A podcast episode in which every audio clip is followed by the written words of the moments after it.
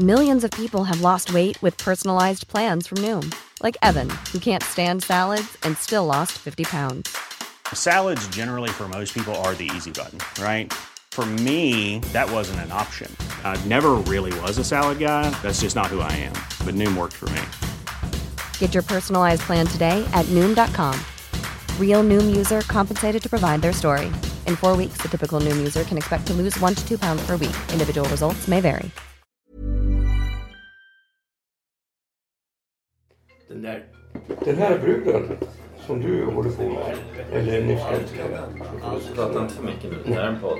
Ja. Kan vi klippa tillbaka? Ja, får klippa i början. Nöden har ingen lag. Avbryt inte. Det är inte gratis att göra podd och vi är beroende av varje bidrag. Swisha in ett bidrag på nummer 123 5354 857. Jag repeterar numret 123 53 54 857. Välkomna till ett nytt avsnitt av podcasten Cyril och Stig. Cyril, det är jag, Cyril Hellman. Stig är författaren Stig Larsson. Podcasten produceras av Storyhood. Dagens gäst är journalisten och författaren Staffan Heimersson. Sedan 67 år tillbaka är Staffan journalist. Han har bevakat 35 krig, varit korrespondent för Sveriges Radio och Aftonbladet i fem världsdelar. Under 55 år var han knuten till Aftonbladet. Men efter att i höstas ha kritiserat metoo-drevet i en krönika och intervju fick han sparken. Han är nu aktuell med boken Punkt slut som samlar hans mest provokativa kröniker och har ett långt stycke där han resonerar kring metoo-debatten. Idag sitter vi hemma hos Stefan Heimersson på Östermalm. Du har kommit idag från Provence. Jag bor i Provence, bor där sedan 16 år. Och har aldrig bott på någon plats så länge tidigare i livet. Jag har haft ett liv, det slog mig plötsligt, jag har haft ett liv där jag aldrig har bott mer än ett halvår, ett år. Och som allra längst började fyra år i Hongkong. Annars har jag brutit upp, alltid efter ett, två eller tre år. Och nu har jag bott 16 år i Provence. Ja, för, för att det, vi hade ju liksom, alltså du är en legendarisk journalist och korrespondent. Du har, du har bevakat 35 krig, varit journalist i över 55 år tror jag. Eller någonting. Och, 67. ja, 67, 67. Oj, oj, oj. Ja, så, så många. Så, så, att, eh, men, så att, det hade vi ju tänkt ha dig förr eller senare i podden. Men sen nu blev det ju att eh, situationen i världen eller Sverige också blev att vi nästan jäktar på det lite. För att både du och Stig och jag, vi alla tre var ju ganska... Jag i sociala medier och ni i, i media. Stig jämförde metoo med Nazityskland. Du med stalinismen. Och eh, ja, jag, vill, jag kanske inte gick riktigt lika hårt men jag ändå gick hårt från dag ett också. Och Ja, vi var en av ganska få. Det var Ja. inte mer än 6-7 personer. Nej, det är några till. Göran Rosenberg, Jan Guillou och Leif GW Persson. Alexander Bard. Ja, Alexander och Bard. Andreas Klerup. Ja, Klerup som musiker. Och, men många fick ju också... Schwarz. Ja, Rickard Schwarz. Ja. ja, men då var det ju alltså många fick ju, alltså du fick ju betala högst pris, fick gå från din tjänst medan nu, liksom, nu har ju historien visat att, att alla hade rätt, att vi alla hade rätt. Det kan inte bara bero på att vi är intelligentare. eh, eh, Eller det kan inte bero på det, för det tror jag inte heller. Utan det var ju någon form av, du jämförde med Nazityskland, Ja, masspsykos. men alltså, jag blev ju chockad. Du jag, jämförde jag, med utrensningen. jag trodde inte att något sånt här kunde hända i Sverige. Jag är fortfarande skakad över med det lättsinne som vi tar på den här Ja. masspsykosfenomenet. Och det utgick från häxjakten i Salem, Massachusetts 1692. Där, där bara, man börjar med ett påstående, sedan har alla varit med om samma sak. Och du är ingen i samhället om du inte kan vittna i samma fråga. Nu är det pojkars drullputtiga uppträdande mot tjejer som har varit i centrum. Tänk om det nästa gång börjar bli en riktig hets mot invandrare. Eh, tänk om det är nynazister som kan organisera samma grej. Vi är för lättfångade för masspsykoser. Och detta är skrämmande. Och uppvaknandet kom inte förrän metoo drivit Benny Fredriksson i döden. Då plötsligt kom det många inlägg, sympatiska, välformulerade inlägg från ansvarskännande människor som sa att så där låg det inte alls till. Benny var en hyvens kille, han är den största Det är teatermannen. det som är så sjukt att din egen tidning, och då måste man ändå säga att Åsa Lindborg var den som bad alla sansa sig. Hon är en av de, framförallt kvinnorna, som har betett sig liksom vettigast i debatten. Men det var under hennes ansvar. Den artikeln mot Benny Fredriksson, den, den, den, hade, den skildrade 41 vittnesmål då mot ben, Benny. 40 var anonyma. En stod... Och negativ. Ja, precis. Medan som jag undervisar 15-åringar journalistik, vilket händer ibland, då, då, då säger jag att man, när man gör artiklar och särskilt undersökande så väger man källor mot varandra, låter båda sidor komma till tals. Anonymitet, det är en viktig del för journalistik och meddelarskyldighet men du kan inte bygga en artikel enbart på det. Liksom. Och här, här, allt sånt här som var basic, det frångicks även i Aftonbladet. Det, det var ett stolleri. För det fanns ju lika många som var för Benny Fredriksson som var emot honom. Det togs aldrig Ja, upp i den ja, artikeln. och det kom aldrig fram. Åsa är den det här för hon gick ner till den allmänna redaktionen anförd av Sofia Olsson Olsén och gav det material hon hon hade, eller de påståenden hon hade råkat ut för och så sades det, det här ska vi undersöka. Journalisten som gjorde det känner jag en noggrann noggrann, duktig kille. Men han brister i den här grejen som du poängterar. Nämligen anonymitet måste användas under ett väldigt ansvar. I Watergate-skandalen fick bara en enda person vara anonym. Och det var Deep Throat. De andra fick träda fram så att man visste var Ja, påståendet kom ifrån. Detta är en monumental skandal. Och Benny Fredriksson har betalat den med sitt liv. Men, men alltså det som, det, som, det som jag förfaras över det, det här gäller ju det är inte på Aftonbladet på det här fallet. Det är framförallt Stockholmstidningar. GP och Sydsvenskan höll sig vid sidan om. Men om vi kollar på den senaste tiden det var hur SvD byggde en artikel på Fredrik Virtanen då någon skulle... Allt var anonymt förutom artikelförfattaren själv. Ännu värre. liksom, så försvann objektiviteten. Och någon tjej då skulle han ha frågat utanför krogen på Kvarnen om hon vill följa med honom hem. Aftonbladet gjorde mot Jag har faktiskt också gjort det. Nej, men Aftonbladet byggde mot akademiledamoten också bara totalt anonymt allt utom en. Aftonbladet, nej det var DN som gjorde det. DN gjorde så för två veckor sedan var det DN sa att UD var avlyssnat och säger vi anonyma källor på det. Jag bara, men om jag säger så här, ja ni har sexbrottslingar på, på DN. Jag har anonyma källor på Alltså, det. Då kan man helt ställde- plötsligt säga vad som helst. Efter att jag ställt Björn Wiman mot väggen i TV, vet du vad de gör? Då sätter de igång en undersökning om mig. Ringer runt till mina kompisar för att försöka sätta dit mig. det är så mycket för demokrati i Sverige. Ja, eh, det är... Ja. Och du, vad påminner det om? Det påminner om Stalins terror 1937. Ja. Jag sa aldrig, jag hade på något sätt försökt göra en liknelse med att när 20 miljoner människor skulle ha dött. Men vad jag sa, den krypande känslan. Om du yttrar dig i ärendet, var säker på att någon börjar snoka kring dig bakom. Och då har detta hänt dig. Sen var ju grejen med det som jag antar att de använde som anledning för att du fick gå. Det var när, när du jämförde med Chasky pornografi. Jag garvade, log stort för mig själv när jag läste. Den var, till och med Jan sa att, att Jan Guillou sa där att, att, att det kanske inte man ska formulera sig så. Och även jag skulle inte vågat det faktiskt. Ja, ja, för mitt eget skinn. Men jag förstår precis vad du menar och jag har väninnor som är med i slutna former. Som har, i, I forum på Facebook och sånt som har sagt Herregud det här börjar likna pornografi. Det här liksom. Och det är klart att Ja, alltså, många det- har det- kanske trauman alltså. Alltså, det, det, det är tokiga, alltså när man går till sakfrågan.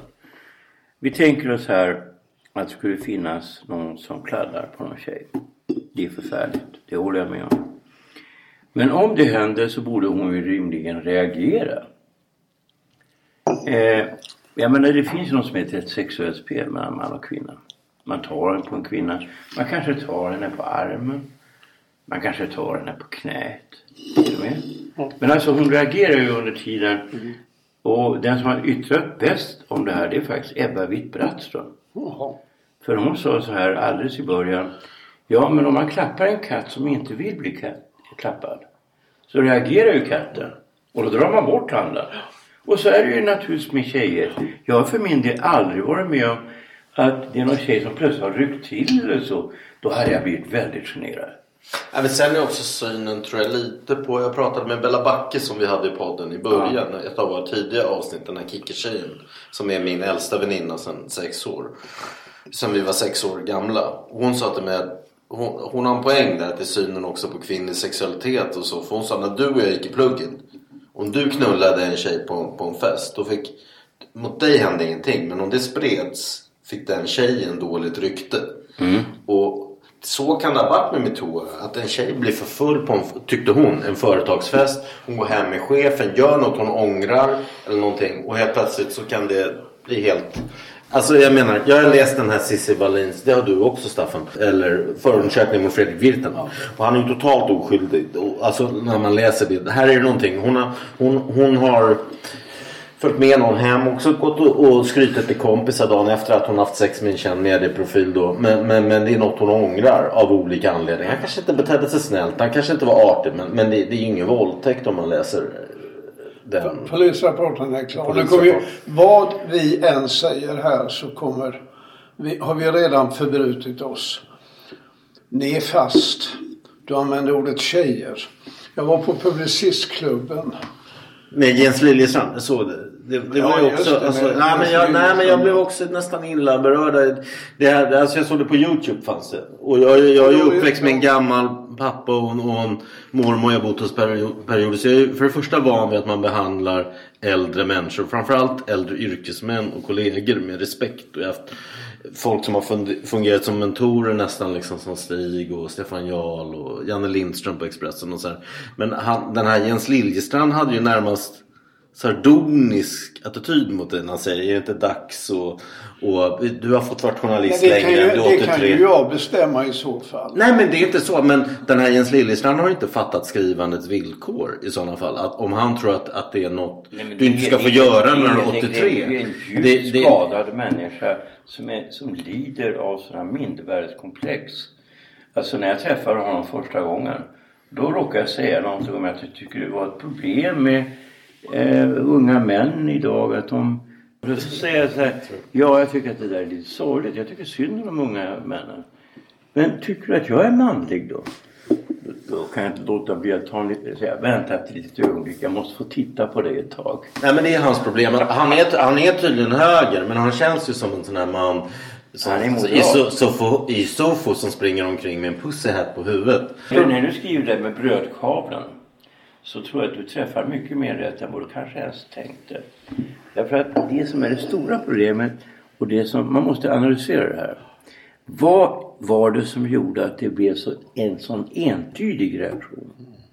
Samtliga män kände sig tystade av, på grund av de enda som klarade sig det var de som var homosexuella. Alltså Alexander Bard är homosexuell. Men alltså de som då hade varit tillsammans med kvinnor.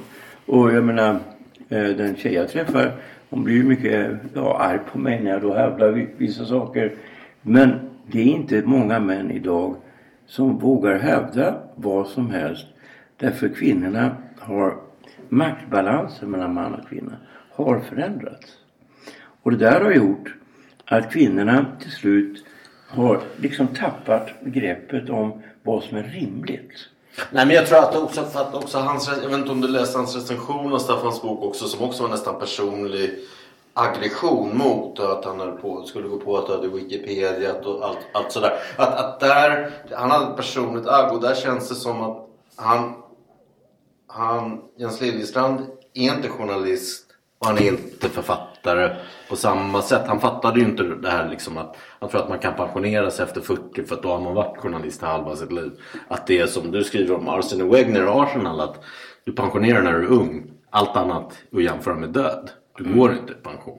Så jag tror inte han förstår skrivandets villkor på det sättet. Eller så vill han, eller så har han bara en strebsyn och vill raljera och trycka Nej, jag igenom. har... eh, Jag gör inte sånt mot äldre har, människor. eh, jag har misstanken Vad sa du?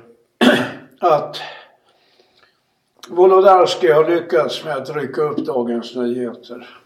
Han är också streber, men han är intelligent streber. Ja, ja, han är intelligent Steve. Men han, han, han har lyckats det va. Men, så, men han har ju inte lyckats med kulturredaktionen. Nej. Och, då, och då var det någon som sa, men har du inte fattat det? Kulturredaktionen står alltid som en satellit, kretsar som en satellit kring moderkroppen där. Och ingen kan ge sig på DNs kultursida. Det ligger redan från Lagercrantz tid och eh, de har haft många bra, jag menar Arne Rut var ju en Ja fast de försökte ju också, här, Bengt Olsson drog upp, eh, gjorde en artikel som blev då omdebatterat att du inte får säga vad du vill och tog upp Ja, ja. allt det här med, med Men åsiktskorridoren och det. det inte- Men då blir ju folk arga, då blir de upprörda på Peter Wolodarski du är en hycklare, du har hållit de här bakom ryggen och nu passar det när ni säger att, alltså, jag, att vet vinden ju, vänder. jag vet ju, man kanske inte ska tala om det här, den här personen är dessutom död, men det är en i familjen Bonnier. Hon sa så här, ja jag är ju kvinna, så här ska man inte uttrycka sig. Men när jag går upp på Bonniers ledning så tycker jag att det luktar fitta. Ja, jag tror jag vet vilken kvinna är. Jag satt för henne på Manila någon gång. Det är, det, är intressant, det är intressant. Men konformiteten, detta idiotord, konformiteten i den här framväxande rörelsen var total. Den debatterades inte i början alltså. Nej men alltså det fanns, det fanns ju vissa personer som, alltså om jag tar till exempel Horace, han fick ju inte säga någonting. De har vissa regler i akademin som gör att det är enbart den som är ständig som får uttala sig offentligt. Eh, och i övrigt så var det ju så att de flesta jag kände som tyckte saker ansåg att de hade för mycket att förlora. Ja, alltså att folk var fega. Det är ju som du, du tog ett citat av Edmund Burke där. Att, att, att ondska kan pågå så länge liksom andra håller tyst. Ja, ja. Det är ju så. Det är så. Det, det är den och den, nästa gång är det inte frågan om kvinnors rätt att bli slippa bli tafsade på. Nästa gång är det något stort allvarligt problem. Jag vet. Nej men det är stort också att det är ett allvarligt att kvinnor blir tafsade på. Men det är frågan om här var det en masspsykos och, som, alltså, och det blev alltså på de här Nej, men alltså, en, alltså det jag inte förstår det är varför ingen... forumen. Alltså, alltså jag är ju tveksam till att det överhuvudtaget skulle kunna ha inträffat. Det är den här rörelsen metoo har ett bälte med skalper och de är inte obetydliga. Vi kan prata skit om Bingolotto eller vad det nu är men Lasse Kroner är ju en riktig showman Ja, och visst. Kroner är krossad. Ja och det var hans flickvän då som skulle... som, Och som sedan- går in under metoo också. Timell har inget förhållande till, jag har aldrig sett honom. Men Ja, där är det enda som har lett till åtal då. Ja, Då- men, då men då ska det vara åtal om du har vittnen på att han har gjort något.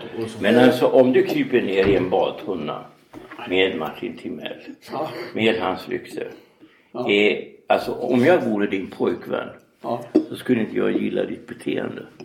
För, för att föra samtalet vidare, och jag tycker vi också ska gå in på, på Staffans journalistik och så, men, men innan det bara för att, för att avsluta här det vi snackar om.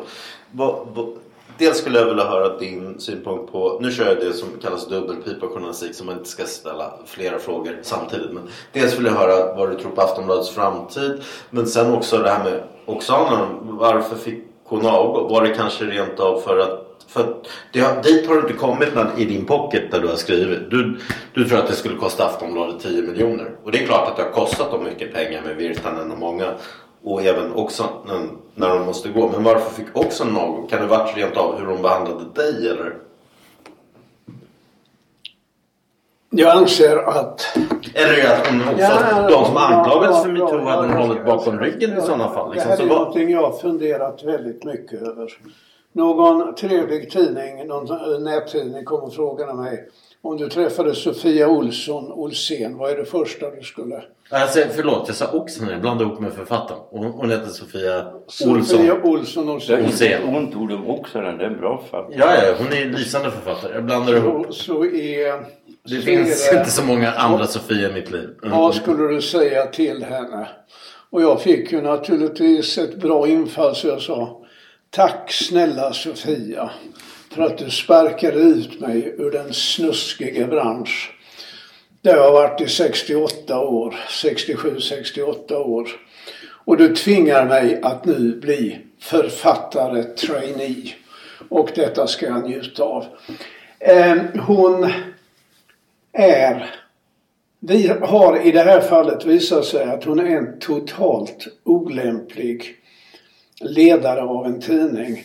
Därför att när metoo uppstår så är det ju chefredaktören som ska gå in och säga Fan det här är ju jätteintressant. Två, tre reportrar, vi måste kolla vad det är som ligger bakom det här. Och så granskar vi det. Vi granskar det utifrån med kritiska ögon och vänlig inställning och sedan skriver vi utifrån det. Nu var hon istället den som ställde sig upp på läktaren och ledde hejaklackarna och hetsade fram mer och mer metoo-material i tidningen. Den dag hon sparkade mig så höll hon på att leda tusen vittnesmål i i tv-studion där medarbetarna fick stå och läsa dessa odokumenterade berättelser, bara ena efter de andra. Och det var, det var jag lyssnade på det, det, det var en form av eh, lätt pornografi. Mm. Och äh, ganska tuff pornografi. Och samtidigt hade hon satt igång med andra medarbetares hjälp någonting som skulle heta Dokumentet 2. Som aldrig blev något av? Ja. Som inte blev av. Därför... Och den syftade på, bara för, för lyssnaren ska få, den syftade på att göra, bli en pendang till det man gjorde på 70-talet. Där ska du få ett scoop. I det här programmet ska jag skopa på den grejen. Okay. Med, med att Give it to me. hon gav, hon gav, hon gav de här chanserna. Programmet, förlåt. Poängen med dokument 1 var ju att det var riktiga människor, tjejer av kött och blod som gav sina bilder av pojkarnas slapphet. Och dokument 2 skulle vara anonymt. Kan du tänka dig en arbetsledare som sätter igång anonym ryktesspridning på en arbetsplats för att tjejerna skulle komma åt pojkarna. Det, det, det är kriminellt tänkt. Det här läsandet av odokumenterade eller okollade stories var en form av taskig showbusiness. Och sparken utav mig var en upphetsad kvinna som ville visa sin kraft. Hon ville visa nu har jag kontroll över läget. Jag sparkar honom. Och det gjorde hon. Och i detta har hon dratt med sig många människor. Eh, Fredrik Virtanen, eftersom vi har nämnt hans namn, mm. han fick ju aldrig en chans att sedan stanna på tidningen. Eh, han är fri. Där, han är fri där, men där, där har jag använt och det kommer ju leda till åtal och det, det ja, kommer ju bli... Det är ju, han, nej, men det han, kommer, det är ju hans initiativ. Eller det är åtal. Det är hans initiativ. Nej precis, precis. Men av, av de här som har störtats i fördärvet är naturligtvis Benny Fredriksson är det största namnet och det klaraste fallet. Eh, och det är en skamp som hänger i Sofia Olsson Olséns... Eh, och där säger de nu, Aftonbladet och de andra tidningarna också. Men vi, vi snackade aldrig om sex med honom. Men jo, det stod i ingressen på... De, de insinuerade alla möjliga in, ja, det stod om rykten. Det stod i, i ingressen. Jag kände på hans knä möta mitt och sånt där. Det var visserligen man till man. Men, mm. men ja. det, det, det, mm. det var kladdigt. Journalisten är oskyldig till det här.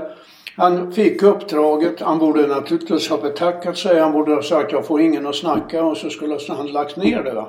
Men det är inte så man bygger upp karriärer på Aftonbladet.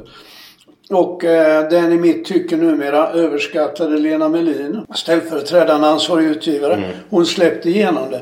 Här skulle man ju kunna gå in på vilken journalist skolas första arbetsdag. Nej men jag säger, jag lär 15-åringar innan så, så, så, så här skriver du inte. Så här skriver du inte. Den här är fullkomligt opublicerbar den här artikeln. Men, men nu finns de här försvarsgrejerna. Men även Sofia Olsson Olsén är ett offer för sin gigantiska framgång med metoo. För att hon sparkade mig och vi ser precis att två dagar senare sjukskrev hon sig. Dag tre rapporterar hon, jag gått in i väggen och dag fem använder hon sig av Mona Salins klassiska uttryck. Jag tar time out. Och sedan vilar... Som blir en lång time Sedan out. Mm. vilar Sofia Olsson Olsén på en bädd av sedlar. Uh, hon har fått ett rejält avgångsvederlag. Men hon är slut som journalist forever. Mm. Jo, jo. Och- Och, hur- och vad tror, alltså och nästa fråga innan vi kan prata annat. Vad, vad, hur ser du på Aftonbladets eh, framtid? För att jag menar Expressen var ju nästan de som gick värst i, i förutom de drog kanske inte Aftonbladet drog Benny Fredriksson in i döden men Expressen var ändå nästan värst med uthängningen av Virtanen och Ja, även min vän. Wow. Men det var bara åtta sidor, va, men ändå. hängde de inte ut Oichen Det, också? även i det Nej, men de hängde ut min vän eh, Jean-Claude. Ja. Det var det. Nu. Nej men de hängde ut Oichen också. Ja. Visst. Och eh, jag menar, han har ju inte gjort någonting. Jag har känt honom sedan sedan 70-talet. Sannolikheten att han skulle våldta... Men det var DN som började med honom. Det var kanske det. Men Alla, alla fyra. Stockholmstidningar gjorde Men bort alltså, sig. vad, vad, vad fan har han gjort? Eh, men eh, han var ju tvungen att fly landet. Han har byggt upp en verksamhet som är unik. Som var den centrala, kan man säga, finkulturella verksamheten i Stockholm. Där du fick författare som aldrig ställer upp att läsa dikter. Han har betett Alltså, sig sliskigt men något brott vet vi inte. Det är fortfarande Han har ingen som har betett sig åtalats. sliskigt, vad vet jag, Mm. inte i min åsikt. Nej, jag har hört väninnor. Liksom, Jag liksom, tänkte på och- en och- sak nu under den här tiden. Så, Alla möjliga så- så kvinnor. Och i så- media som det också gått Så rykten var det plötsligt en, en, en serie artiklar i Expressen. Där man tog upp det fina i att äldre kvinnor reser till Gambia och träffar yngre män. Ja, jag såg den. Eh, men alltså man tänker sig motsvarigheten. Det fina är att äldre män åker till Thailand och träffar thailändska kvinnor. Ja. Sannolikheten att Expressen skulle publicera det är lika med noll. Det, det var en sens... Nej men här fanns det väl, och det är sånt som, det, det, det har jag glömt att säga. Som, men, men det är, alltså hur du använder, du, du skrev ju om det här med, med att det var som billig pornografi, hur de skriver. Och det, tycker, det håller jag med om helt och jag tycker även framförallt kvällstidningarna men kanske alla, alla tidningar hur de breder ut sina löpsedlar när det kommer en gruppvåldtäkt eller något avskyvärt så är det som ett sätt de vill få publiken upphetsad. Och det är så de använder det här språket. Och det var ju framförallt det vi fick se nu under metoo med de här. För att det var mycket som var som sekt. Alltså läste man det här med DN mot, mot din vän då så var det ja, han, han tryckte ner mitt huvud på kuken och sen blev tvungen att suga. Och, ja. det, var, det var ju så i detalj liksom. Och det var ju nästan som att de Dels ville DN ha igång läsarna där sexuellt. Framförallt. Och sen, ja, vem vet? Ja, vem, vet, vem, vet, vem vet vad som har, hur det har gått till i, i redaktionskorridorerna de här slarviga, slarviga månaderna. Men vad vi vet är att det har funnits en beprövad svensk pressetik som har varit feg. Det har varit inga namnpubliceringar i Sverige, punkt slut. Eh, undantag Christer Pettersson, undantag eh, eh, Wennerström. Alltså stora grejer. Vi har som sed, inte, lags, inte lagstiftarna, vi har som sed. Vi skriver inte namn på icke dömda människor. Och den har tjänat Expressen och Aftonbladet väldigt gott. Men när Expressen bestämmer sig för att göra åtta sidor. Bra journalist, känner honom, bra journalist. Och han skriver åtta sidor om en man vars enda, det enda vi vet om hans sexuella beteende är att det är polisutrett och han är oskyldig. Om man namnger honom så har man raserat Ja, jag tror inte, jag tror han kan komma igen. Det är, ju faktiskt, det är ju faktiskt en person som har dömts i den här härvan. Och det var en kvinna som har varit en, vad heter det man är? När man förföljer en man, går efter dem. Det är Starker. Va? Starker. Ja, stalker ja, stalker, stalker. Hon, hon har varit stalker av, av den här tv-personen. När det här dök upp så anmälde hon den här som hon, hon har befa- be, be, burit sig illa åt mot hela tiden. Och eh, det blir polisutredning. Och den vänder sig mot henne och hon är dömd för falsk angivelse. Ja men det är klart, det hände mina Det- det- kompisar det- också. det- Alltså de, det, de, det är den enda som är dömd i de här grejerna. Vi, andra, vi andra får hänga, hänga på klädstrecket och torka nu ett slag. Och det hade ju varit bra om Benny Fredriksson hade fått göra det också va? och fått göra en comeback. Det fanns inte någon som stod upp, jo Margareta Garp gjorde det. Men ingen stod upp genast och sa den här grejerna. Och därför är de medskyldiga till den här. De lät skitsnacket pågå. Och sedan så tog de och när han var död så kom de fram och berättade hur förfärligt det här var. Det skulle de ha berättat. Jo, där är det ju likt Nazityskland. I Stalin var det så förtryckt så att där kunde folket inte protestera. Men i Nazityskland så var det att alla var medlöpare och lät det hända. Visst, visst, visst, visst. Det är, det är, det är, det, det är, menar, i, I vissa delar är det en tragedi och det finns mycket, mycket lite komik i det här. Ja, i Sovjet så kunde du... Mandelson protesterade ju. Han läste ju upp en dikt eh, 1934 när... när Jo, men så dog han också. Nej, men efter mordet på Kirov så läste han upp den här dikten som heter Bergsbon i Kreml. Som handlar om eh, bergsbon i Kreml med loppor i sina, i sina flottiga mustascher. Eh, han som äter dödsdomar som andra äter hallon. Och läser upp den offentligt. Och folk får ju panik och rusar därifrån för de tror att de ska bli dödade. Och, och fast, eh, Stalin han får ju veta det här på en gång. Så han ringer upp Pasternak. Han ringer alltid väldigt sent. Han brukar ringa någon gång kvart i elva, elva till folk. Och så ringer han hem till Pasternak. Käre Boris, det är Stalin. Nu har jag en fråga till dig. Ja, hej, hej. Och du måste vara uppriktig.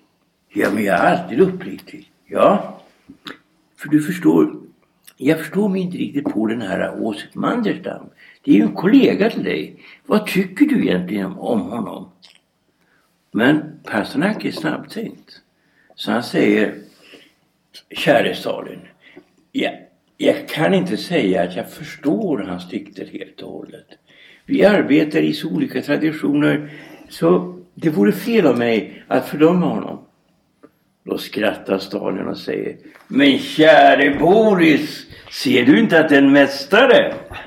Ja, men där, där, där Staffan tror jag också, det tänk, jag tänkte på det på, på vägen. Därför ska du inte ta det så personligt på den här Jens Liljestrand. För att han har inte läst om författarna du, där du och jag som journalister kommer från. tror jag. Hemingway, Norma Mailer och de där. De är ju väldigt manliga och sådär liksom. Men Stig har inte heller läst dem. Men han har läst Osip Mandelstam, Kafka, Beckett och det är hans skola med. Men även de var hårda snubbar för de var beredda att dö för sitt ord. Medan Jens Liljestrand tror jag, Strand tror jag att liksom så här, han, han skulle gärna stoltsera med att han recenserar eller läser en bok av Ebba Witt-Brattström eller Agnes Lindbäck eller något, något så här med genusteorier. Men däremot, han skulle aldrig ens våga stå för att han tycker av alltså- Michel Houellebecq eller Céline är bra. Nej men alltså den nya typen av unga män som har kommit fram idag är ju i stort sett med väldigt få undantag snöpta.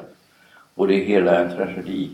Vi ser ju idag hur det är nästan enbart är invandrare som står för manlighet när det gäller de som är födda efter 1970.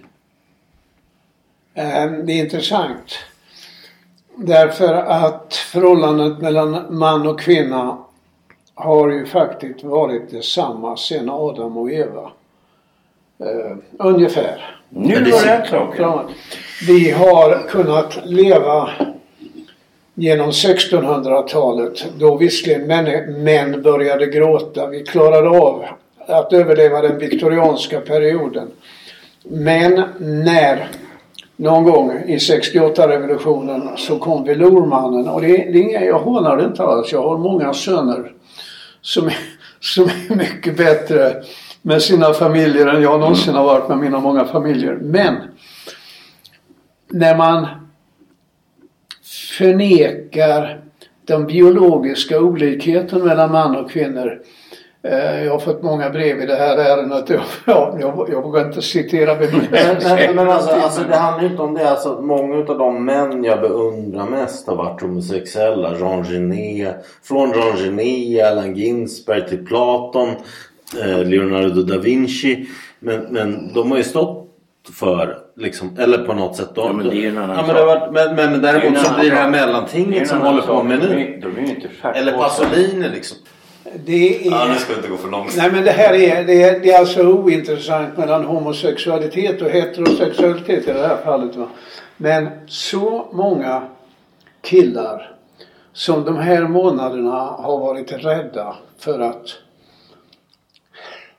vara killar. Ja. De har, de har sagt så här, jag får så mycket varningsbrev från omgiven av goda rådgivare som mig vill.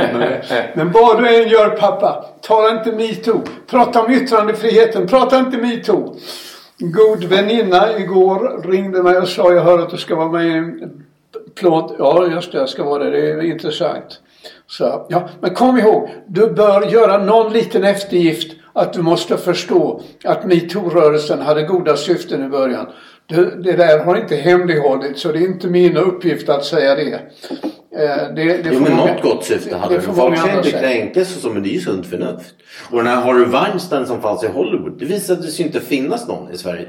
Om det funnits någon så var det väl möjligtvis Bergman då eller någonting som är nationalhelgon och som ingen vågar säga något åt. Nej, jag vet inte. Bergman gjorde aldrig Nej jag kanske inte gjorde. Du kände honom liksom. Det gjorde inte jag. Alltså Bergman, Bergman var ju på många sätt och vis en maktmänniska och som verkligen kunde makt, maktens spelregler. Och vi- Men han utnyttjade, han utnyttjade aldrig kvinnor. Det var, han, det, det, var under hans nivå. Ja, han behövde ju inte. Han behövde ju inte. Vad ska jag det för? Ja, nej, visst. Men här, jag kan berätta en väldigt rolig historia om honom.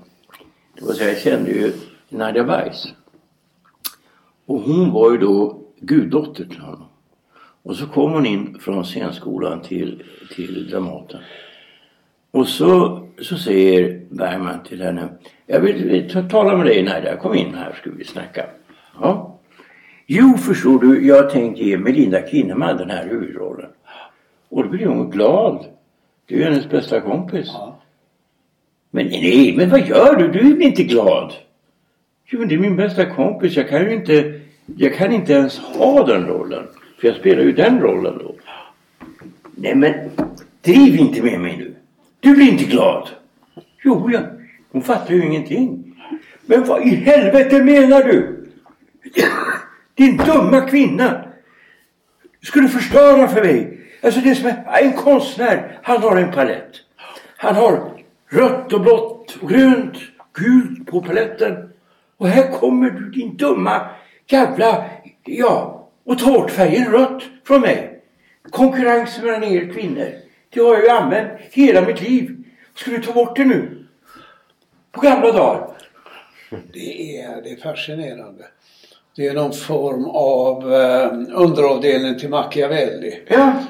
Det här, är- det här är, det är fascinerande. Men ja, nu, nu har vi ju, nu har, nu har metoo passerat som en eh, tsunami.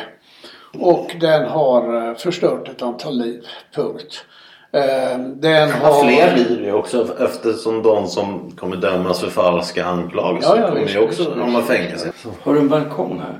Ja, Kan jag bara ta och se? du förökar in här. Kan jag göra det? Visst, för fan. Jag ska fixa ett askfat till dig.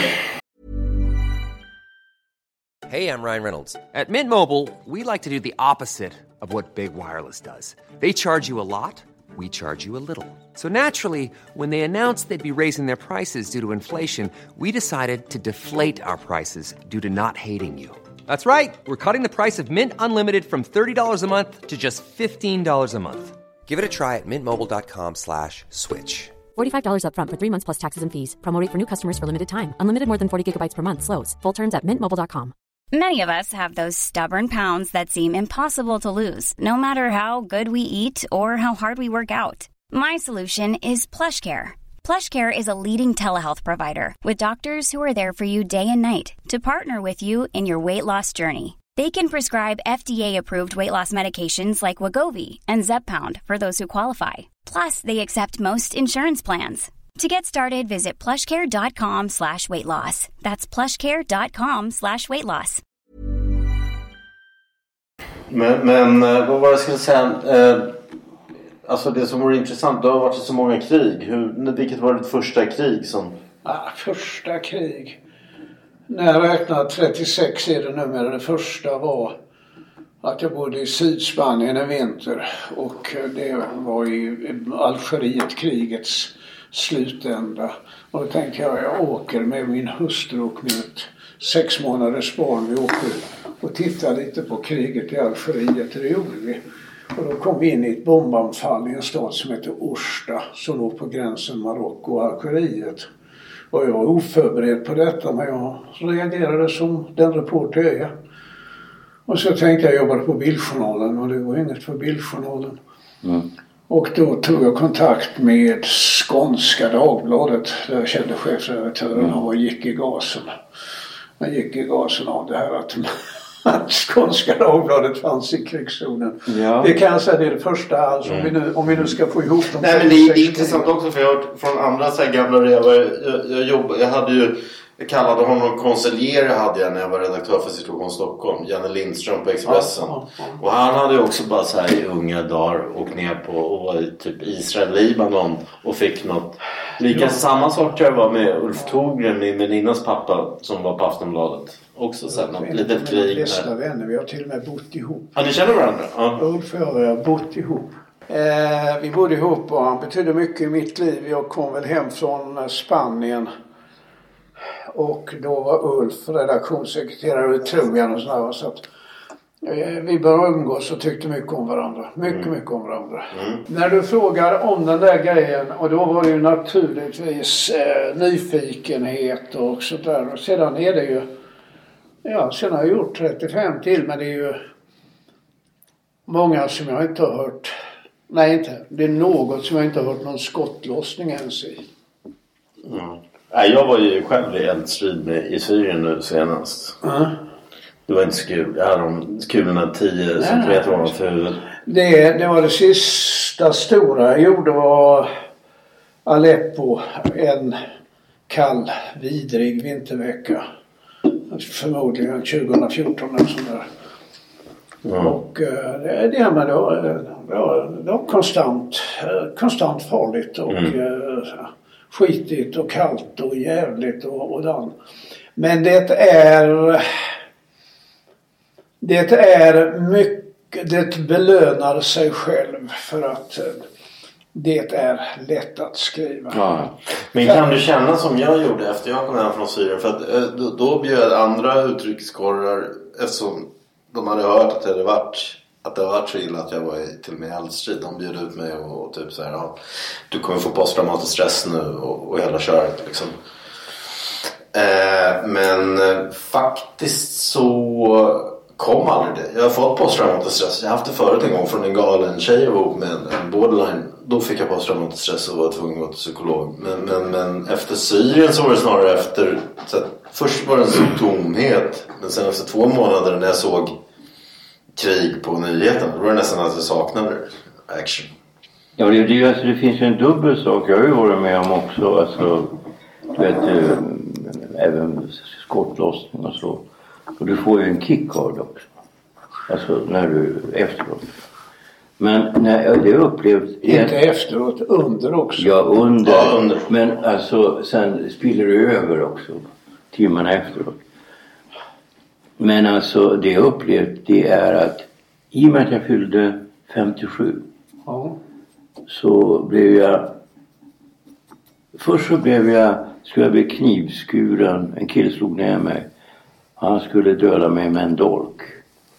Och då började jag, en vecka senare, började jag stamma. Det är ju posttraumatisk stress. Och sen nu för tre år sedan så var det samma sak. En kille kom och körde upp en kniv mot halsen. Och jag blev skraj alltså. Klart det. Men, men alltså tidigare har inte jag blivit det. Knivet halsen, det tog vi alla Jag har inte råkat. Jag Nej men alltså jag har inte blivit det med pistoler. Ja, men det är en annan sak. Då har du inte det. Jag hade en blydank en gång i LA mot, mig, mot huvudet. Det var- Jag har, eh, då, då jag har fått ordentligt stryk i, av serbisk eh, säkerhetspolis i en bil. Ja. Eh, och eh, du känner du, du känner du sitter bakom, han slår på en. Och då tänker du, ja. nu kommer jag sitta i en polisställ i natt och sen kommer du in imorgon bitti så får man det som frukost igen. På något sätt fick jag eh, något lugn i mig. Ja men det är det som är det underliga. Det, det, så det går så fort va? Det, det har inte med adrenalinet att göra tror jag. Jag tror inte det har, och jag tror inte det har med macho att göra. Jag tror inte, jag tror, utan det är en försvarsmekanism som kommer upp i en omedelbart. Jag, eh, om någon hade frågat mig vad har varit din styrka som krigsreporter skulle jag säga jag kan från 36 krig inte minnas ett ögonblick då jag varit rädd. Ja. Jag tror att jag säger att blir du rädd så kan du inte undvika att visa det. Nej, jag tror precis som Stig säger. För mig var det liksom...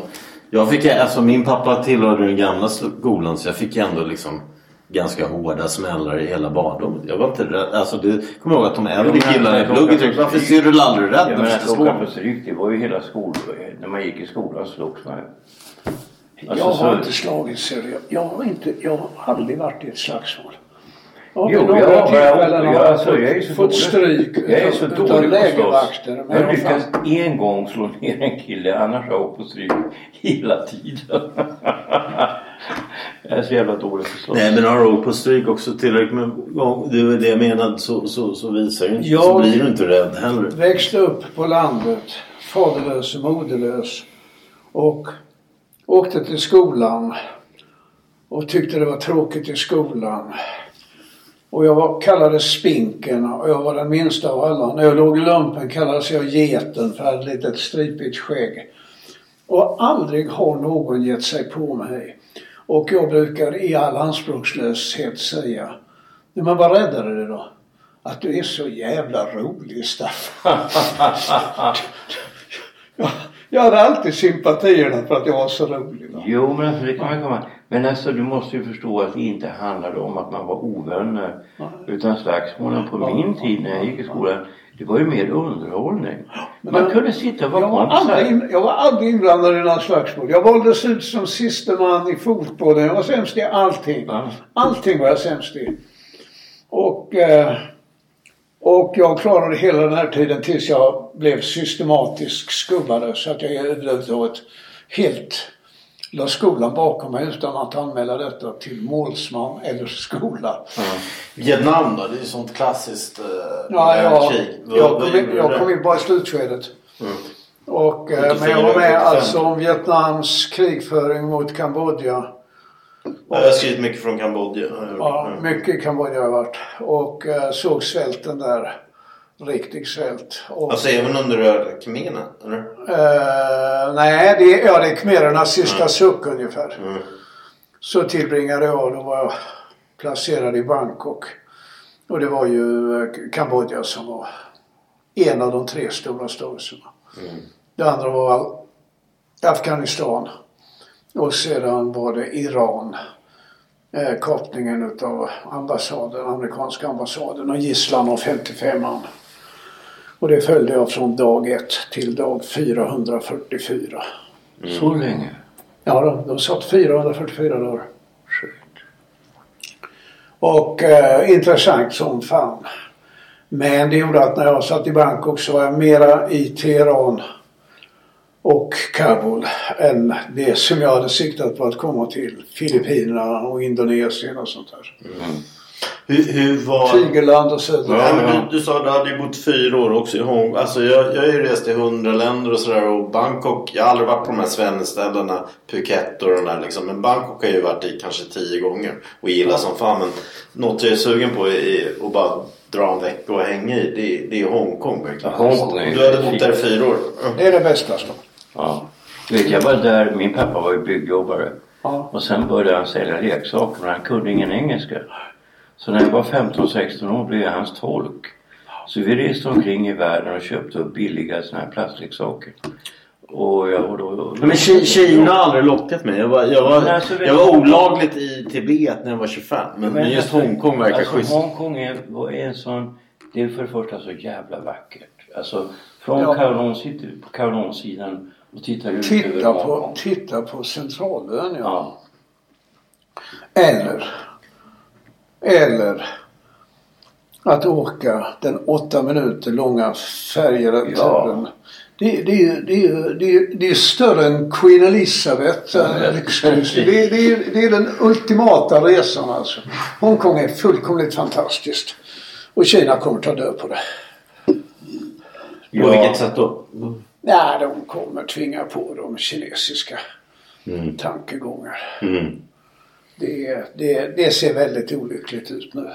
Men sen gjorde du, sa något innan vi satte igång det här. Du hade varit mycket i Polynesien och Australien. Och, alltså Ja, idag har man ingen ja. korre i Australien Jag- direkt Sverige. jag Vad gjorde du i Australien? Jag, jag var den första och hittills enda korrespondenten i Australien och det var en belöning eller, eller också var, kan vi säga det var en Det var för lång och trogen tjänst. Nej det var det inte. Det var förvisning till Sibirien. Men till Sibirien kan man inte hålla.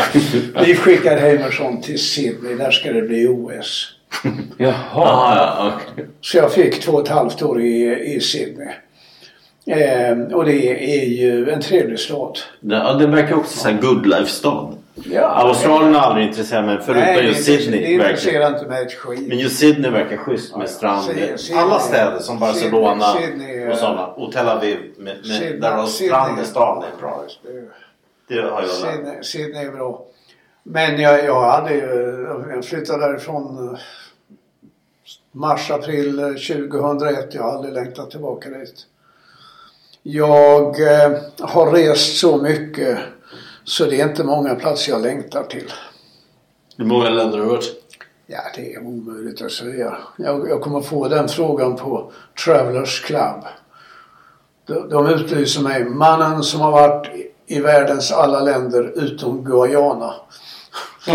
Men jag tror det finns 202 länder i Det finns 193 i, eh, Och det sjunker, det FN och så finns det Vatikanstaden och Taiwan. Då är vi uppe i 195.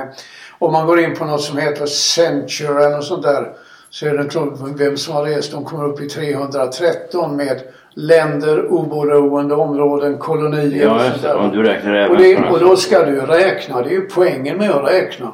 Jag har varit i Gibraltar, det var ett land till. Nu har jag varit i Monaco, det var ett land till. Nu har jag varit i Andorra, det är ett land till. Gibraltar gjorde jag i bondpermis från Dumpen i Vaxholm. Ja, jag var ju i Gibraltar. och var där när jag var 20 och hängde. Och jag räddades därigenom från den här bomben i Madrid. Vadå? Bomben i Madrid. Ja, det. Jag var där. Jag Då hängde, jag hängde. mot eh, vicepresidenten. Nej, alltså du vet den här senaste det var 600 döda eller. Jaså, de stora Ja, grejen där. stora grejer. Det var så här att jag var på en filminspelning om Orson Welles sista tid i Ronda. Ja. Och sen så skulle vi upp då på en fest i Madrid. Men jag har alltid velat åka ner till Gibraltar. Ja. För att snacka med unga människor som är Gibraltar eller vad man nu säger. Gibraltarbor. Hur det är att vara i Gibraltar. Så jag åkte ner till Gibraltar. Och hängde där. Jävligt dyrt alltså. Ja, jag kommer ihåg. Ja, det det kostade. 100 spänn då för, för Ja, 30 du år vet, sedan. Mm. Mat och allting dyrt. Och Jag kommer tillbaka till Malaga och jag är helt utfattig och eh, tänker jag kan sova på en parkbänk kanske.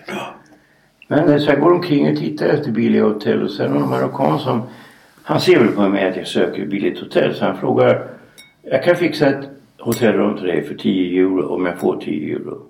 Ja det är fine så. Och gör det, gör det. Och så fixar han det. Så går vi och tittar på, jag ska ta en öl. Och tänker jag kanske har råd att ta en omelett också. Eller en gammal Sarajevo. Och, och, och då så, så beställer han en öl och så går han ifrån. Då har jag fått 10 euro av mig. Så jag säger, vad fan, du ska betala den här ölen. Jag har gett dig 10 euro. Han bara sticker. På kvällen, jag ska ju titta på fotboll. Det är ju då Bayern München mot Real Madrid. Jag håller på Real. Så kommer han plötsligt in. Och så kommer plötsligt en till marockan. 30 sekunder senare en till marockan som sitter runt mig. Så går han och beställer en öl. Då tar den ölen och häller upp den. Säger tack, jag visste att du skulle komma. Och, och då så börjar de här andra killarna, de börjar liksom backa. Och så har som tur att de håller på Bayern. Och de andra som är på den här krogen. De gillar ju varken marockaner och de gillar inte de som håller på bergen. Så de ska åka på stryk av de här Real-fansen. Och jag stoppar dem och skyddar dem. Och då är de ju plötsligt på min sida. Så jag hade så jävla tur. Så jag klarade mig. Men sen när jag åker tillbaka med flyget. Mina kompisar har ju då flugit från Madrid samma dag. Och jag ska mellanlanda i Frankfurt. Höra massa 600 döda. Och jag tror att det är Irak. Får jag höra att det är fan i Madrid. Och det, det tåget gick ju halv åtta. Exakt samtidigt som mitt. Men på en annan perrong. Men med de här krigen då, var, var det typ i de här småkrigen på 80-talet också? Grenada, El Salvador? Grenada gjorde jag. Salvador, Guatemala, Falkland? Indian... Nej, Falklands gjorde jag inte. Jag har varit på Falklands men jag har inte varit där på kriget. Jag var i Israel när vi väntade på krig. Och det kom. Men först var det Falklands. Jag har gjort eh, Salvador, eh, Nicaragua. Det var mitt stora krig. Mm. Eh, Det ska ju Kapuscinski om tror jag. vad sa du? Mm, Ja, Kapuscinski. Kapuscinski. Jag träffade Kapuscinski i Glas. Kapuscinski. Ja. När jag kom till Angola cirka den 7 november 1975. Angola ska bli självständigt den 10. Jag frågar chauffören var vi journalisterna? De var på Hotell Tivoli i Luanda. Så jag åker upp till Hotell Tivoli i Luanda och ber att få ett rum. Finns inget rum. Var bor jag då istället? Försök med El Mundo. Så går jag ner för gatan till El Mundo. Och där är vi i två veckor, två journalister. Kapuscinski och Kapuscinski och jag, vi äter frukost, vi äter middag. Och han, är då ännu inte berömd va. Ja. Så han är ju papp, eh, polska nyhetsbyråns kille. Och han skickar bara kommunikéer. You want to read my story Staffan? Och så läste Kapuscinski och det, det, det, det fanns ingenting i storiesarna va. Och sedan har jag träffat honom igen när han kom som gästföreläsare på Stora Journalistpriset och var föreläsare där och var ju, och kände genast igen mig. Och Vi kramade om varandra och sådär. Vilket var skönt att göra inför kollegorna. Han var ju stor som fan då va. Och eh, han är ju lysande. Han är ju lysande. Eh, fantasin går och eh, har väl gjort en del överdrifter. Jo men alltså den här, alltså jag tycker Ebenholz när han skriver om Afrika. Ja, Ja, det blir bra. Det är så bra så det, det är så bra så det inte Ja. skjuter. Fotbollskriget är också bra. Ja. Jag har skrivit en hel essä om honom. Men, eh, men det är många andra som också är väldigt bra. I någon av mina böcker har jag ett kapitel just om Kapuscinski. Om frukost med Kapuscinski. Och där var då även kubanska underrättelsemän för att förbereda den kubanska övertagandet av kriget där. Ja, ja, de var ju där. Så att det, det var jävligt roligt va. Alltså du, du, du säger någonting, det här som är krig. Jag har snöat in på, i ett par månader har jag snöat in på att läsa Marta Gellhorn. Ja, ja, hon är grym. Och Marta Gellhorn är ju med den enklaste klyschan. Hon skriver så bra som hennes man gärna skulle ha velat skriva om han hade kunnat va. Är Min pappa träffade ju dem. Min pappa var Hemingways översättare. Yes. Han träffade Arne Häggkvist. eh, Nej. ja, ja. Vi har olika efternamn. Han fick mig på äldre dagar. Ja men vad fan, det är ju fantastiskt. Förstår jag, är uppvuxen i den där riktiga Folket i bild-generationen. Då, då, då han skrev där. Mm, mm. Så att jag har dem allihopa där ser du. Jag, och jag, jag, jag går ibland och tänker på min olitterära barndom. Jag var ensamt barn på landet så jag läste ju allt. Jag är en sån där människa som vid åtta års ålder läste Axel Munthe. Boken om San Michele va. Jag läste Olle Hedberg när jag var nio år va. Och sånt där va. Och sedan plötsligt förstår man, sin ljusnar ju himlen när man får sin första Micke Spillane. Ja, Micke Spillane är grym. Och- Jag älskar och, Micke och Spillane. ser, ser det, så här kan man också skriva. Va? Och sedan kommer man in i sin lite finkulturella period. Och den jag vill, jag ska gå upp på Rönnells imorgon och så ska jag köpa några Per Rådström böcker för han betydde mycket för mig när jag var 17-18 års ålder. Eh, det rörde sig i Stockholm och det var klara, det, det fanns klara kvarter och sånt där. Det var mycket bra. De gavs ut på Pocket Althans tror jag på 90-talet. Jag har några stycken hemma också. Alltså det var, vad, vad hette den? Han hette... Slas har ju också skrivit en väldigt fin vänskapsbok. Eh, Är, man är det man älskar eller något sånt där heter den. Ja. Jag har läst den flera gånger faktiskt. Och Han är- han är- Slas illustrerar den. Alltså. Men det, det är alltså, vi pratade ju om Olle Strandberg. När jag skulle skriva boken från julen till påsken och däremellan kommer fastland. Så köpte jag in de svenskar som har skrivit om Söderhavet. Och då är ju Tigerland och Söderhavet, men den är inte, den, den känns dated. Det finns några delar som inte är så bra. Jag har tagit upp det i den här texten också. Och jag Men det som är bra, vet du vad det är? Nej. Han är den första som kritiserar Coca-Cola-iseringen av Söderhavet. Ja, det kanske han är den första. Det är, Och sen är det ett väldigt bra parti när han smiter in i Kina. vadå? När han smiter in i Kina eh, inspirerad av Gustav Vasa Ja. under kålrötter. Okej. Det är Eh, lysande. Bra. Men, men jag, jag har varit nästan alla Polynesiens öar och det är en plats som jag inte längtar tillbaka. Och är det de som är tokiga i Polynesien så är det vajande palm, brusande vågor och ett rev där ute och så pratar de Jag har känt likadant. Det är faktiskt, alltså, jag har varit i hundra länder men jag har aldrig varit i Polynesien. Men då, då samtidigt... säger jag bara iskallt. Det finns bara en bra plats. Det finns bara en bra Söderhavsö. Den heter Hawaii. Ja, Hawaii är grymt. Hawaii är ju strålande. Jo. Men det finns en till. Det är Papete i, på Tahiti. Men samtidigt- För där har du känslan av att seglarna kommer in och lägger sig i stad. Men hur är det Marquesasöarna? Men sam, samt, samtidigt... Mar- Marquesasöarna? Jag har varit där. Ja. Eh, Du ser dem allt på två dagar. Men samtidigt Marlon Brando älskar det. Han måste ju ändå... Det känns ju som en snubbe med...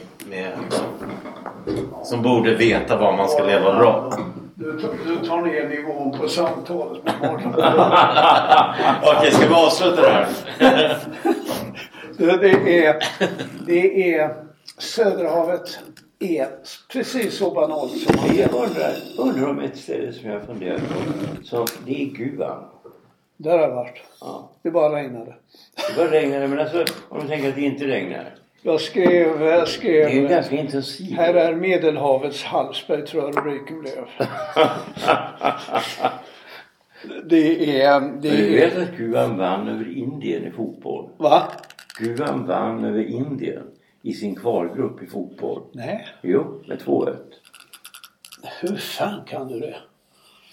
Jo, men jag kollar. Du som en karl. Ja, men jag, jag kollar det. Du gör det? Det är, det är intressant. Det är Stig först och främst. Det är... Det är få platser du längtar tillbaka till av någon känsla. Det är nästan allt ligger i Amerika.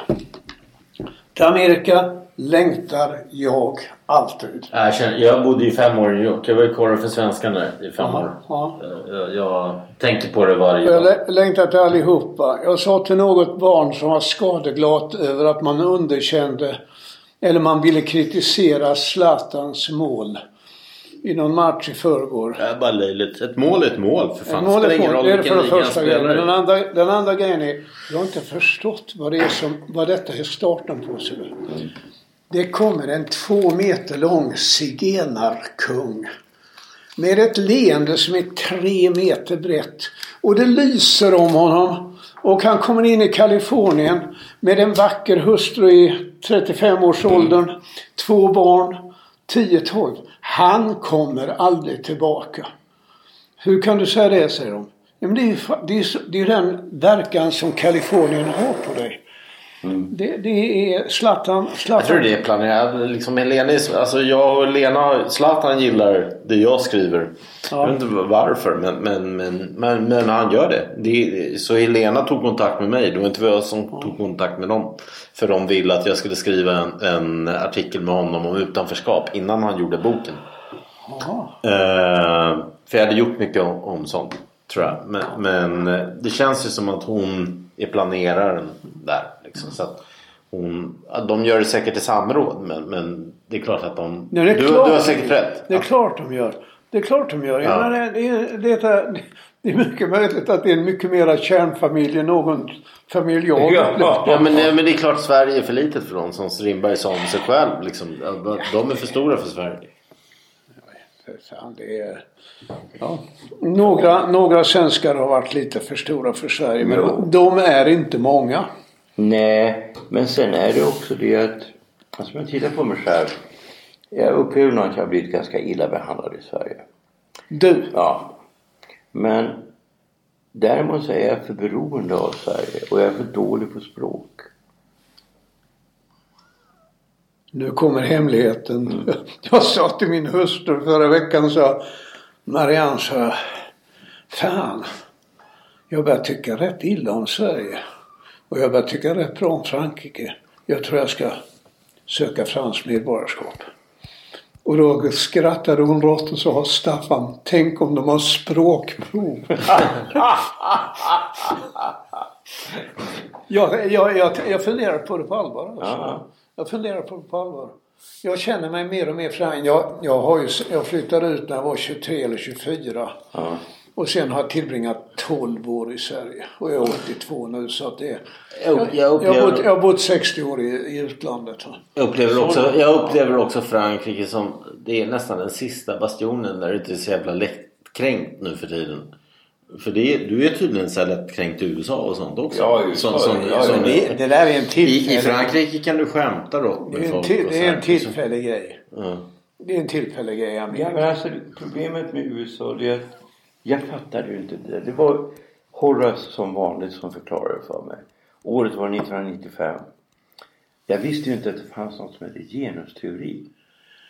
Och, och då berättade han för mig Ska vi verkligen ha ett radioprogram med en människa som inte tog Ja, genusteori på jag- allvar Ja, men alltså, 1995? jag, menar, jag visste inte om det. Och han, alltså vi pratade ibland länge i telefon. Men nu var det Vem med? Horace Engdahl. Ja, ja, Horace. ja. Och han förklarade för mig att det här är större förstår du än vänstern. Nämligen, det är ju, det är ju sjukt, det är ju vansinne. Det är ju sant. Eh, jo, men du vet det är så stor business. Att, och det här har kommit till USA. Och det kommer att slå igenom i Sverige. Och vi kommer, det kommer att platsa till oss. Alltså lyssna på mig alltså. Och det, uppföljningen på det är ju identitetsresonemangen. Va? Eh, Jag har en mycket god vän på Krigshögskolan vill jag gärna kalla det men den heter Försvarshögskolan. Ja. Och han, eh, jag pratar med honom gärna om eh, säkerhetspolitiska frågor men när vi kommer in på andra problem. Har du inte fan skåning? Har du inte fattat det? Är du dum i huvudet? Har du inte fattat det? Det är identitet som är den stora grejen i Sverige nu. Ja. Och eh, det, stor, det stora och positiva som har hänt är ju inlämmandet av de homosexuella i det fullkomligt normaliserade Sverige. Och det har gått på 30 år. Sånt. Det har gått på 30 år. Eh, Jag är, erkänner mig skyldig till att fortfarande på 80-talet ha sagt en och annan dumhet. Jo men alltså det som jag tänker, för jag känner då en del homosexuella där på ön. Jag har skrivit en bok om vid Essingen. va. Ja. Och jag har ju då en del kompisar som är bögar.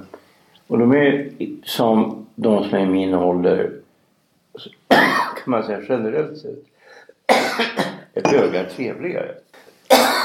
De har varit tvungna att bli det. Men titta på de som är yngre. Jag är inte så säker på det. Alltså det, blir ett, det uppstår ett sorts förfall. För det, det, finns, det finns en fördel att vara tvungen att vara trevlig.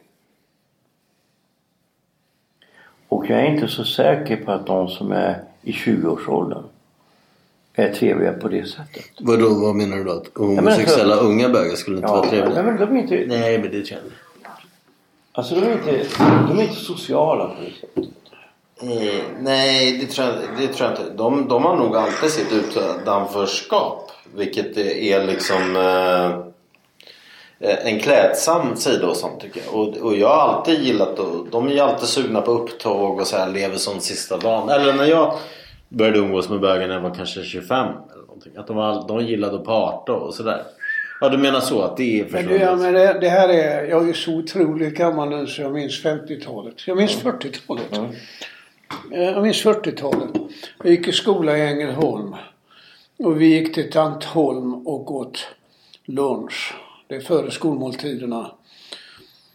Och Tantholm hade en son som hette Kai.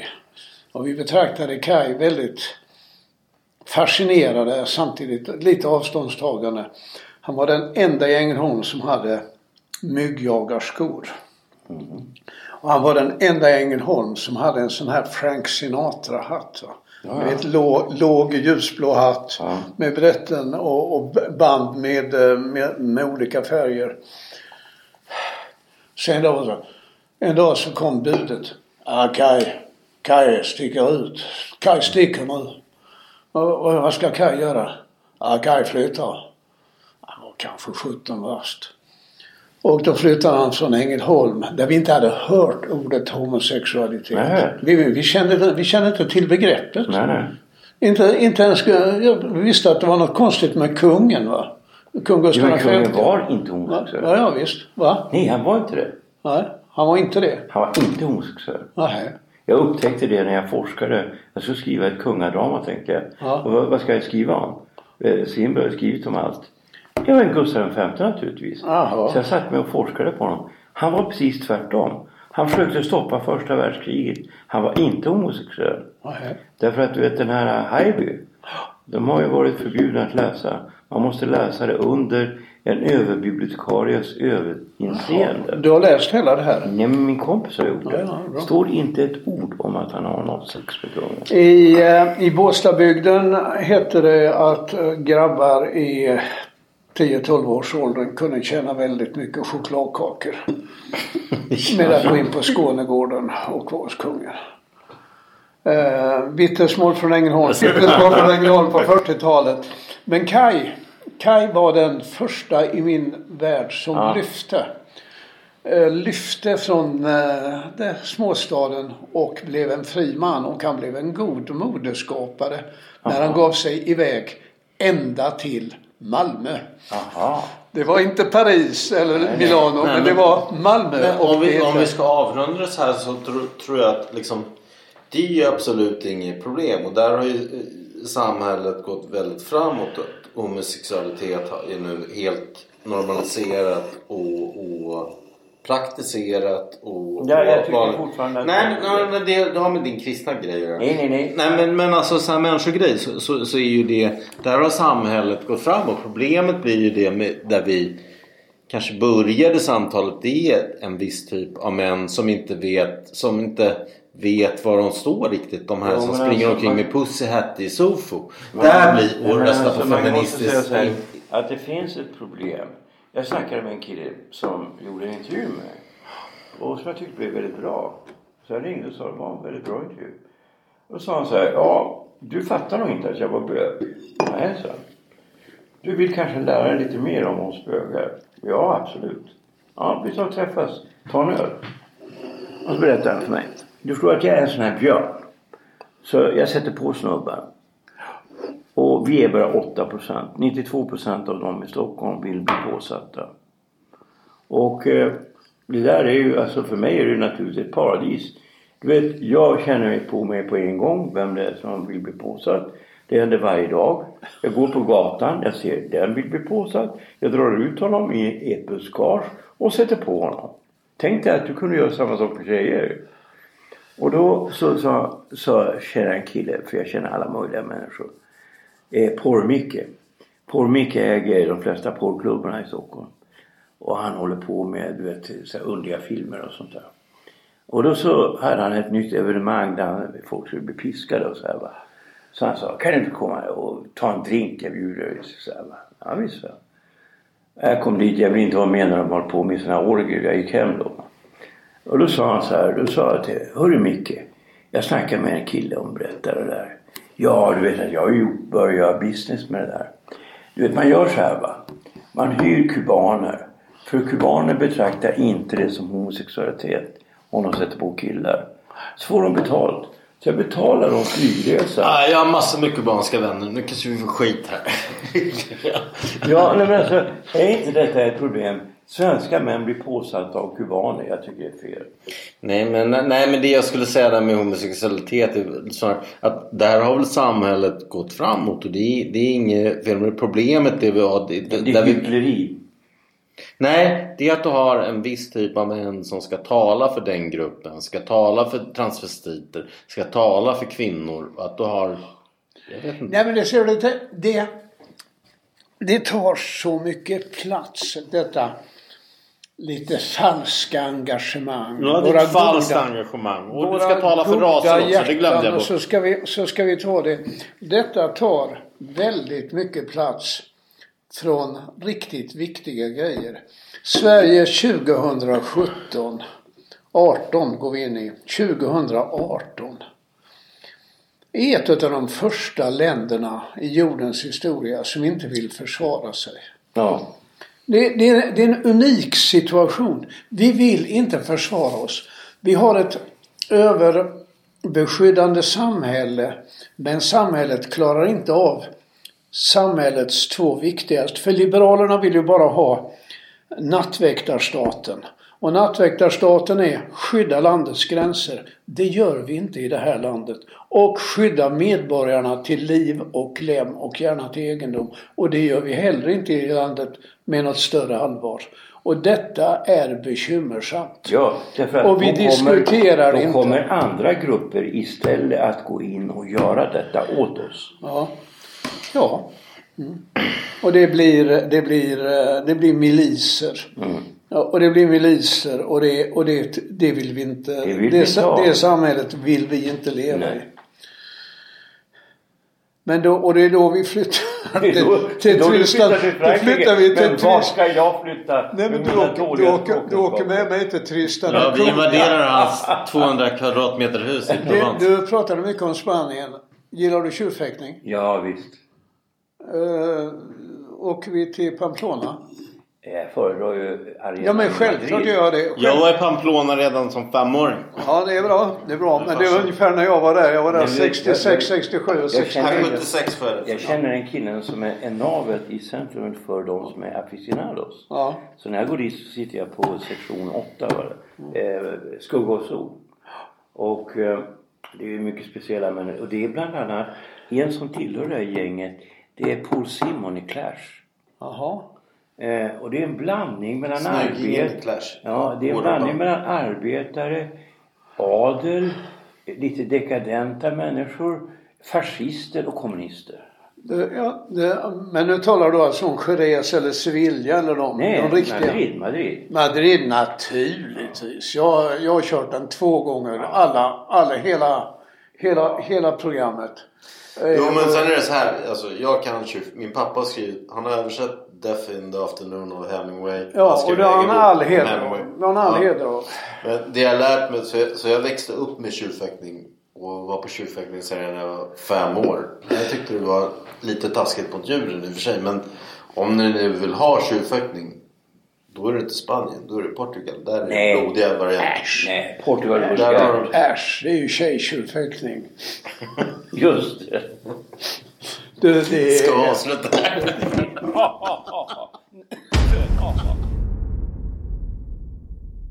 Det är inte gratis.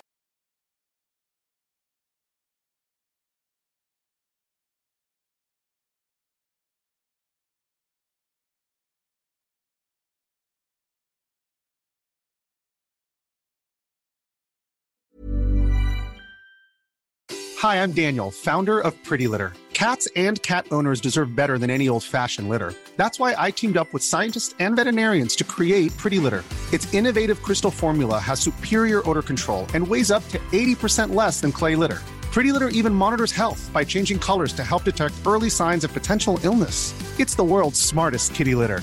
Go to prettylitter.com and use code ACAST for 20% off your first order and a free cat toy. Terms and conditions apply. See site for details.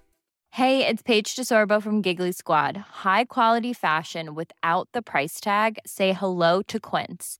I'm snagging high-end essentials like cozy cashmere sweaters, sleek leather jackets, fine jewelry, and so much more. With Quince being 50 to 80% less than similar brands. And they partner with factories that prioritize safe, ethical, and responsible manufacturing. I love that. Luxury quality within reach. Go to quince.com slash style to get free shipping and 365 day returns on your next order. Quince.com slash style.